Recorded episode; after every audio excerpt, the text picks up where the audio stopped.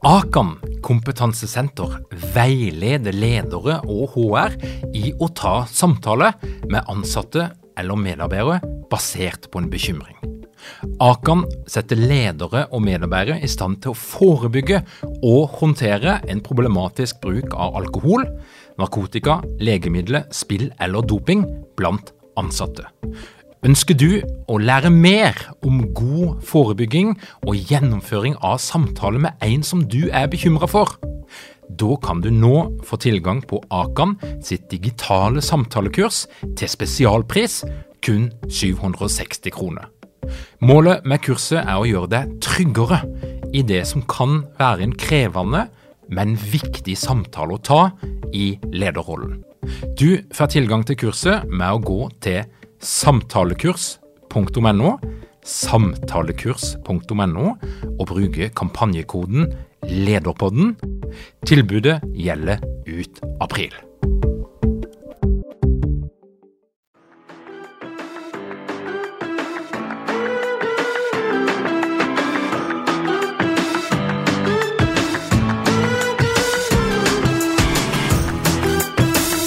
Velkommen til Lederpodden.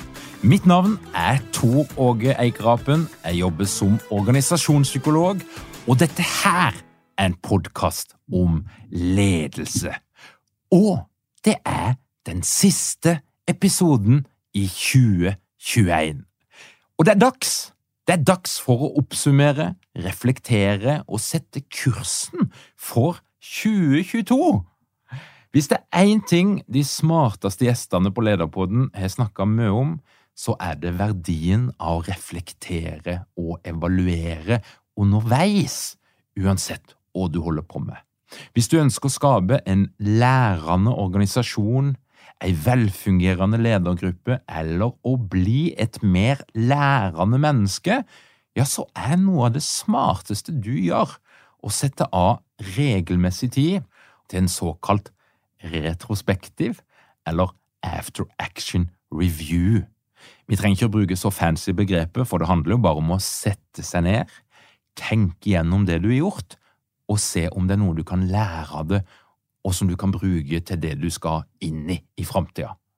Og hvis du ikke har gjort din after action review for 2022 ennå, så inviterer jeg deg herved med inn i min egen ikke fullt så private sesjon, der jeg ønsker å svare på fem sentrale spørsmål om året som er gått, og det som skal skje i 2022.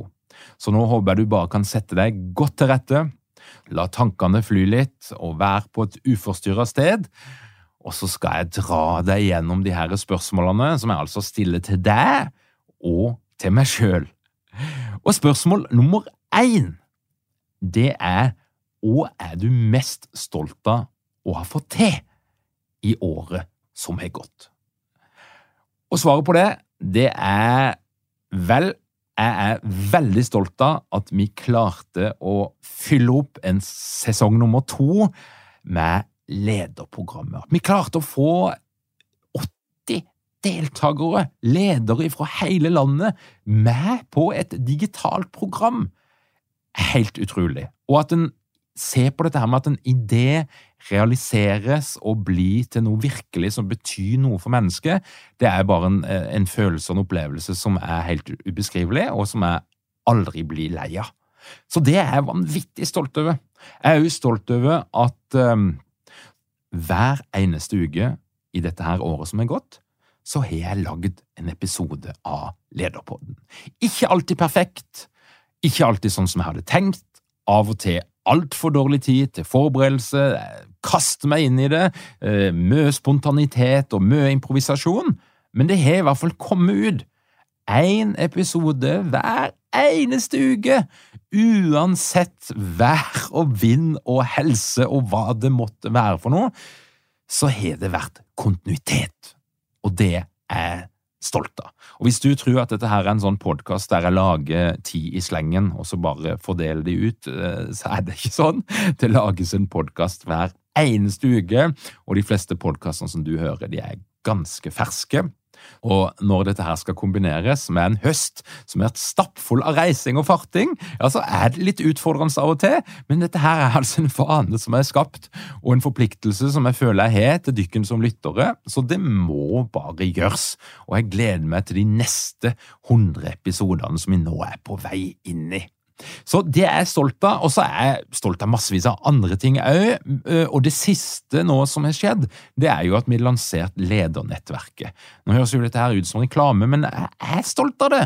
For det er idé, det er visjoner, det er noen tanker der du er fryktelig usikker på om vil folk like det, vil folk ha det, vil de melde seg inn, har de bruk for det, kommer det til å fungere?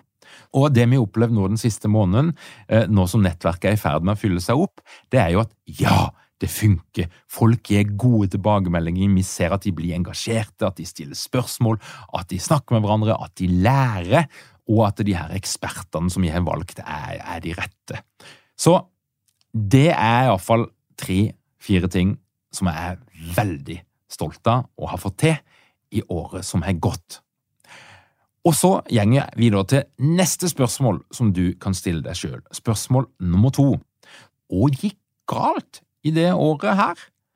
Og hvorfor gjorde det det, hvis du vet noe om det? Og mitt svar, det er eh, en tydelig ting som gikk galt. For nå fortalte jeg nettopp om suksessen vi hadde med lederprogrammet, som ble lansert i 2020. Vi kjørte en sesong, et kull, eh, høsten 2020, og vi kjørte et stappfullt kull våren 2021. Og så dundra vi på videre, og vi satsa alt vi hadde, og dette her er ikke et konsern, vi er et bitte lite selskap uten dype lommer, men vi vrengte de lommene og gnudde på med reklamefilm, med annonsering og med booking av flotte eksperter, og gjorde alt riktig, og fulgte den oppskriften som vi nå hadde etablert. Og så kom vi til sommeren, vi hadde sommerferie, vi var på tur og jeg driver og kikker på statistikken og åssen det gjenger med påmeldingene, og jeg skjønner et eller annet sted ute i juli, når det var på det varmeste, at dette gjenger ikke. Det er altfor få påmeldte sammenlignet med hva det er verdt for noe, og når vi kom ut i august og det begynte å nærme seg oppstart, så måtte vi til slutt kaste inn håndkleet og bare innse at dette her gjenger ikke, det er ikke bærekraftig. Og hvis jeg skal si noe om hvorfor det skjedde, så kan jeg jo velge eh, to strategier. Jeg kan enten legge skylda på meg sjøl eller på oss, eller så kan jeg legge skylda på noe eksternt. Og kanskje er det en kombinasjon. Men når Norge åpner opp igjen høsten 2021, så kommer det jo en ny krapp sving i dette her året. Og det handler jo om at mange hadde jo samla opp et vanvittig behov for å møtes fysisk. De var lei av Zoom, de var lei av digitale møter, de var egentlig lei av alt som hadde med skjerm å gjøre. Og det undervurderte vi. Så vi tok egentlig ikke vår egen medisin når det gjelder det å ta inn over seg endringer i samfunnet og tilpasse seg de før de kommer. Vi kom for seint. Vi skjønte det for seint at når Norge åpner opp igjen, så er det ikke den samme sulten som det har vært for å delta på heldigitale programmer. Det betyr ikke at konseptet ikke er livets rett, men det betyr at du kanskje må ha en større maskin bak på markedsføring, på infrastruktur, og at vi kanskje òg, eh, når vi nå er tilbake igjen isolerte Så ja, jeg vet da søren er tydelig at dette skal stabilisere seg, men at digital læring er kommet for å bli, det er jeg helt sikker på. Men vi, med våre begrensede ressurser, klarte ikke å løfte det høsten 2021. Og det var ganske dramatisk for oss og vår lille butikk, eh, eh, fordi at vi hadde satsa alt på dette her kortet. Og det som kom ut av det, er jo enda en gang opplevelsen av at selv om det ser vanvittig svart ut, og en føler at dette her, dette her gjenger bare ikke, så klarte vi, etter å ha sugd litt på denne kjipe karamellen i noen dager, å kaste oss rundt, etablere og utvikle noen nye konsepter som vi hadde ligget og tenkt på lenge, men få det ut der. Vi klarte å få med oss de fleste av de som hadde meldt seg på programmet, for det var altså noen som hadde meldt seg på, de fikk vi med videre på et mindre program, et mer intimt program, et mer eksklusivt program, men som ble et veldig bra program. Og vi klarte å, å, å, komme oss videre uten å måtte stenge igjen døra og trykke på konkursknappen eller noe som lignet på det. selv om det så ut som det faktisk var et eh, reelt alternativ en periode. Så vi lærte kanskje ikke sånn konkret noe av det, jo, altså at en må hele tida vurdere omgivelsene, og de her skiftene. De kommer utrolig kjapt, og de er utrolig krappe, og det er veldig kort tid fra noe som da skjer i samfunnet, eh, til at det påvirker oss som en liten bedrift. Men vi lærte noe, og det vi lærte, er at vi klarer det hvis du bare ikke dykker for langt ned i krisa, hvis du klarer å mobilisere kreativitet, pågangsmot, til tross for at du kanskje har mest lyst til å legge deg litt ned, så finner du en vei ut. Og det gjorde vi. Og da er vi kjapt inne på spørsmål nummer tre. Hva har du lært i det året som har gått? Hva har du lært som er viktig for deg? Og Da kan vi jo snakke om å lære noe konkret knyttet til ferdighet og kunnskap, eller kanskje lære noe om seg sjøl. Og jeg har lært eh, en del om meg sjøl, for at, eh, i år så har jeg for første gang på veldig veldig lenge hatt en kollega som jeg jobba tett på meg, og som jeg har jobba tett på. Og Det er en ny opplevelse, for jeg jobber mye alene, jeg samarbeider med andre og kan være på prosjekt med andre, men, men det å i det daglige jobbe tett på andre, det er det lenge siden jeg har gjort. Jeg har kjørt et sololøp. Og det jeg har lært om meg sjøl, det er at eh, jeg må skjerpe meg, altså. For at eh, når jeg er tett på andre i en jobbsituasjon i det daglige, så er det en del av mine egenskaper som ikke er like hensiktsmessige. Utålmodighet, bråhet, kjapphet, litt sånn tidsnød hele tida, eh, en følelse at nå, nå, nå, må ting skje fort her, og, og en litt manglende evne til å slappe litt av, sette seg ned, prate om noe annet enn de oppgavene vi er inne i. Så jeg eh, har skjønt at eh, jeg kan være ekstremt oppgavefokusert og nokså kjip kollega på mitt verste. Så jeg har trent meg opp gjennom dette her året til å bli bedre, og eh, jeg tror jeg har klart det. Men jeg er litt usikker på hvor lenge det kommer til å vare. Men det er nok sannsynligvis noe jeg må jobbe med ganske lenge. men det har jeg lært egenskaper som kan være gode i noen sammenhenger, men nokså dårlige i sammenhengen der du skal forholde deg til andre mennesker, og en skal få til ting til sammen. Og så har jeg lært utrolig mye av de folkene jeg snakker med på Lederpodden. Når det gjelder endring og endringsledelse, wow! Der har jeg fått masse nye perspektiver og føler jeg ser helheten på et mye bedre vis enn det jeg gjorde før. Kanskje vil jeg si det eh, i neste år òg. Men utrolig mye læring gjennom å snakke med alle de her ekspertene. Har dere mange ledere uten trening eller utdannelse innen ledelse? Mangler dere en felles kultur og praksis for ledelse? Ønsker dere å være bedre rusta for fremtidig vekst og endring? Da kan et internt lederutviklingsprogram være en god investering. I Execu så er vi eksperter på å designe og gjennomføre bedriftsinterne lederutviklingsprogram. Hvis du ønsker å lære mer om hvordan vi kan hjelpe dykken til å få enda bedre ledere, ta og klikk deg inn på execu.no.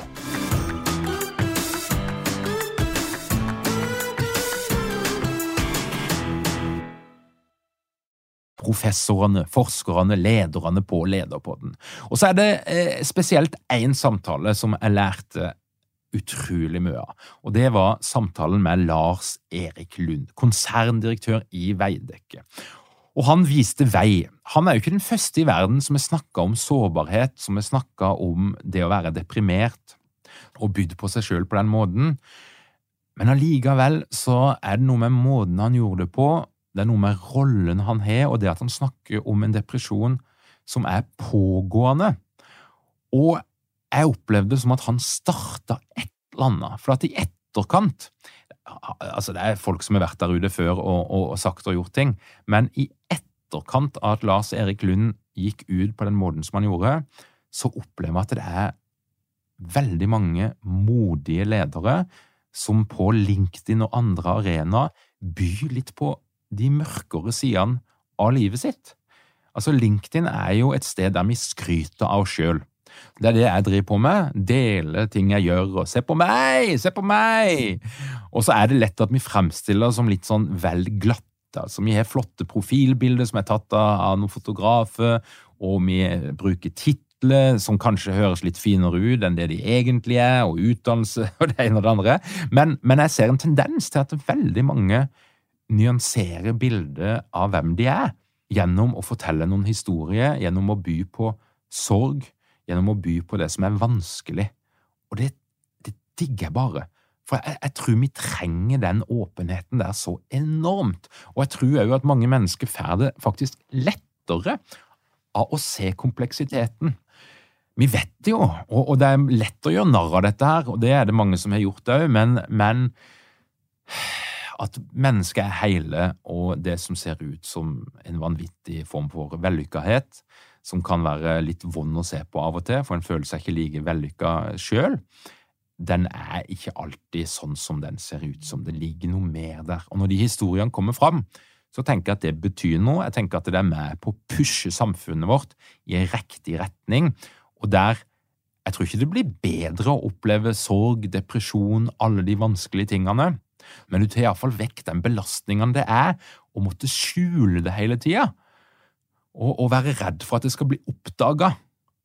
Og det tenker jeg at Lars Erik Lund har vært med på å bidra til på en fenomenal måte. Og jeg har blitt ja, jeg har lært at det er mulig å være så åpen og gjøre seg så sårbar, og så blir det faktisk tatt godt imot, og, og det får til og med en positiv effekt langt utover hans sin egen historie. Så det har jeg lært. Og så lærer jeg hele tida av de her ledergruppene og lederne som jeg jobber med. Og der er det smått og stort, men, men, men, men det er en kontinuerlig prosess.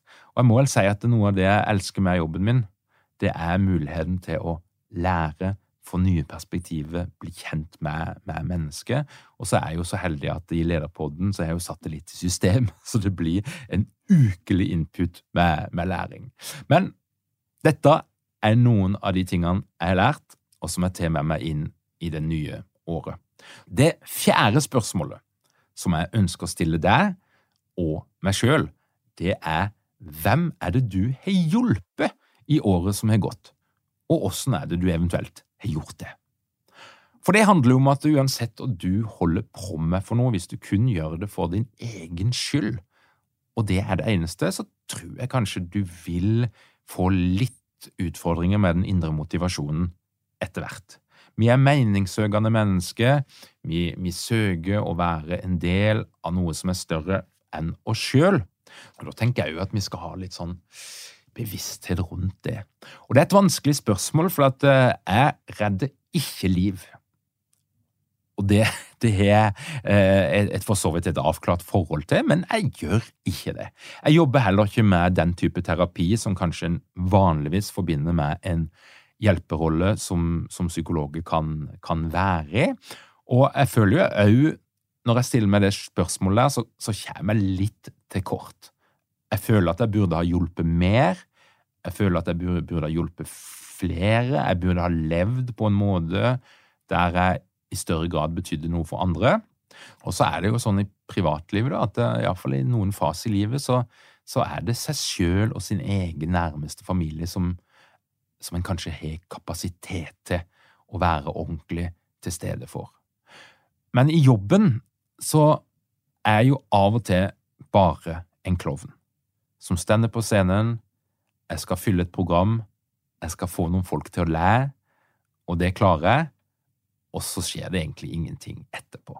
Kanskje var det noen som fikk noe å tenke på, kanskje fikk de noe å snakke om til lunsjen neste dag, og så er det ikke så mye mer enn det. Men heldigvis så vet jeg at gjennom en del av de lederne som jeg jobber med, så, så vet jeg ikke at jeg gjør det hele tida, men av og til så får jeg tilbakemelding på at noe av det som er satt i gang, kan bidra til at noen ledere blir bedre ledere, og på den måten så er det folk som får det bedre på jobb, og som gjør en bedre jobb. Og det å hjelpe folk til å ha det bedre på jobb, det er kanskje min misjon gjennom veldig mye av det jeg holder på med. Så hvis det er kanskje da, jeg vet ikke, av de Jeg jobba sikkert med over 100 ledere i år. Og hvis vi tenker at uh, kanskje ti av de har fått en effekt Jeg håper det er flere, men hvis det er ti av de som har fått en effekt, og hver av de leder seks-syv personer som òg merker en endring, som har gjort det bedre i deres arbeidshverdag, ja, da skal jeg kanskje være fornøyd. Men det er det jeg har gjort. Og hvis du som lytter på Lederpodden òg har kunnet bruke noe av det du hørte i Lederpodden, til å gjøre en bedre jobb som leder, eller få det litt bedre som menneske, så håper jeg du sier ifra, sånn at jeg kan få mer inn på den lista. Det femte og siste spørsmålet, det er hva ønsker du å få til i 2022? Jeg tenker jo at eh, vi kan godt leve liv som er litt tilfeldige, og der ting bare blir sånn som det blir. Uh, og, og, og, noen kan ha det veldig bra med det, og det kan òg bli litt for mye prestasjonsjag hvis vi hele tida skal sette oss mål, være ambisiøse, få til noe mer, bedre, bedre, bedre, bedre, optimalisere hele tida. Litt stressende opplegg hvis vi skal være i den loopen i ett sett. Men jeg har iallfall noen konkrete mål for jobben i 2022.